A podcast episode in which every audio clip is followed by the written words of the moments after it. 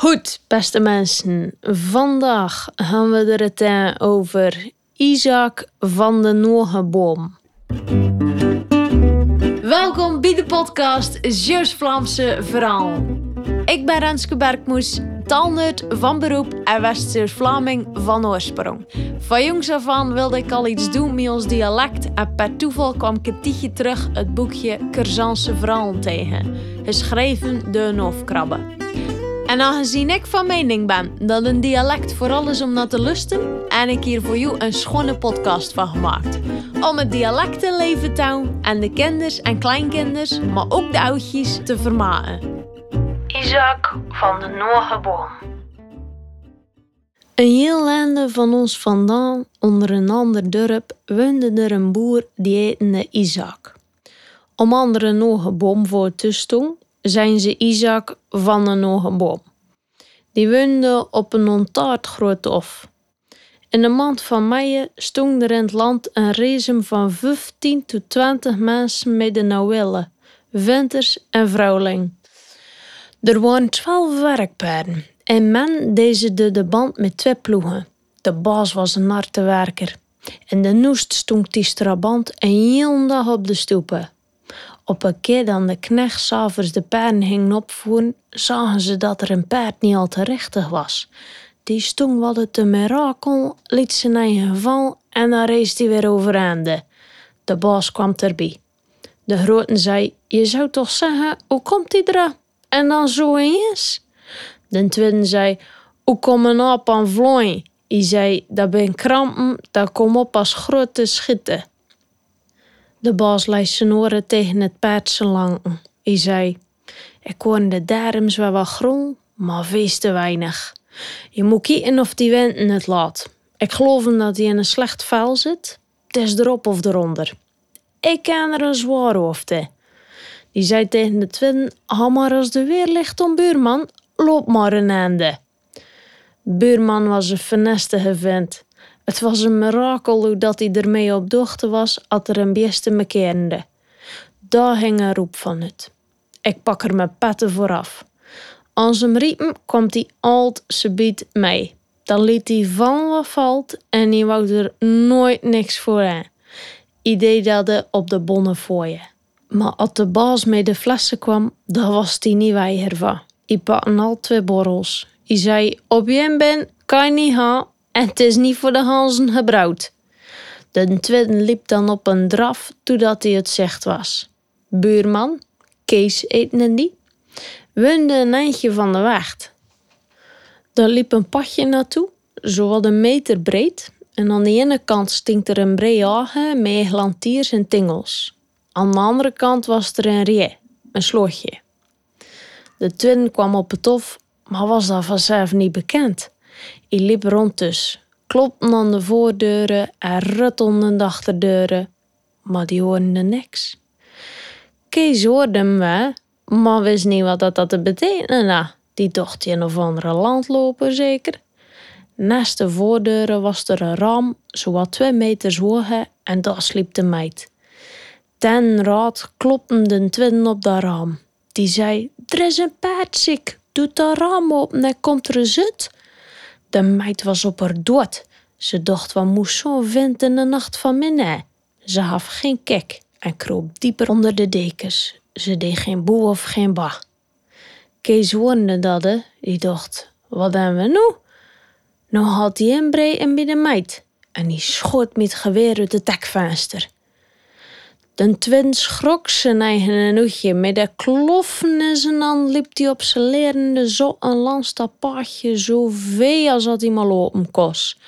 De frante keer hinkt hij over de kop en de tingels en in de dulf. Die zei, van mijn part van al de pijn doet, hij kreeg die vente kolaren. Als hij tussen kwam was het paard al beter. Die zei tegen de baas, die vindt hij met geweer op me geschoten, nee? Die baas zei, machtig nog aan toe. De twin zei, ze moeten er min niet meer naartoe sturen hoor. En je zou je voor je rapen schitten. Ik ken er tabak van. Passen ervoor. Het zet me tot hier. Sanderdags ging de baas naar Kees toe en zei wat de verk in de stil zat. En als ze er allemaal leuten mee, behalve de twin van Sef, die kosten leuten wel op. Een week of zes later vulde er een paard. De knecht sliepen erbij. Als dat paard begon te mirakel, riepen ze de baas. Alles verliep bovenste best, maar het vullen wou niet zeggen. Die wilden we, maar kostte slag niet te paan krijgen. Het weer avond. De baas zei dat hij morgenochtend niet zucht, is hij voor de katten en had hij handoepel en mijn handen nachten gemoed. Die zei tegen de derde, ik zou ook van jou als maar om Kees gaan, eer dat het doek hoor. De groten zei, nu moet je de meid niet op stang jagen, anders vaar je net als een twin en schieten die voor je zo de meter. De derde kwam bij Kees. Hij zei, de complimenten van de baas en heeft gevraagd of hij wel kom. Er is een vullen dat niet wil zeggen. Kees zei, ik ga op slag mee. Het is maar een bak koffiedrinkerswerk. Het is even op een weg. Op een schop en een sprong is dat er gedaan. Als ze dan op tof kwam, hing Kees alleen in het kot. Die wou daar geen mens bij en deed dat in het geniep. Een tochtje later kwam die drut. Die zei, die zucht als de beste. Die moest ze en al, ne? Bedempje zank nog wel een keer. De groten wilden weten hoe dat hij dat deed. Maar Kees zei, je moet niet aan mijn oren zitten melden. Ik zeg dat het toch niet. Ik ga daar niet aan je neus aan. Ik loop er niet mee leunen. En die wou weggaan. Maar de knechts wilden me de hele nacht aan de houden. Ze wisten dat het een lulmeier was. Een treuzenneuze. Alt moest hij de laatste man de zak opgeven. Met een haverstrook kostje mouw. De groten zei, wie zoals die eens keer niet?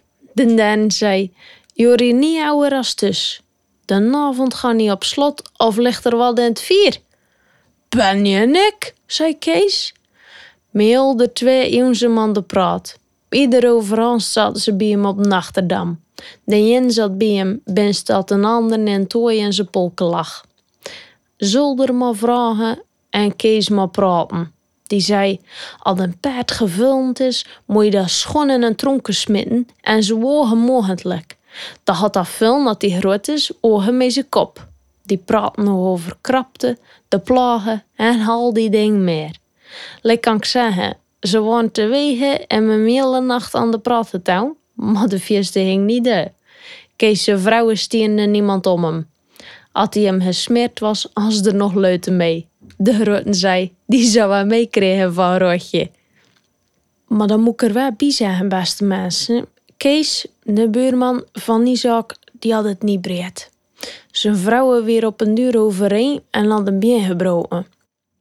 Ze zei tegen de dokter: We kunnen het niet betalen. De huls groeien niet op mijn ruggen en we kunnen het niet van ons vel snijden. Me en het niet.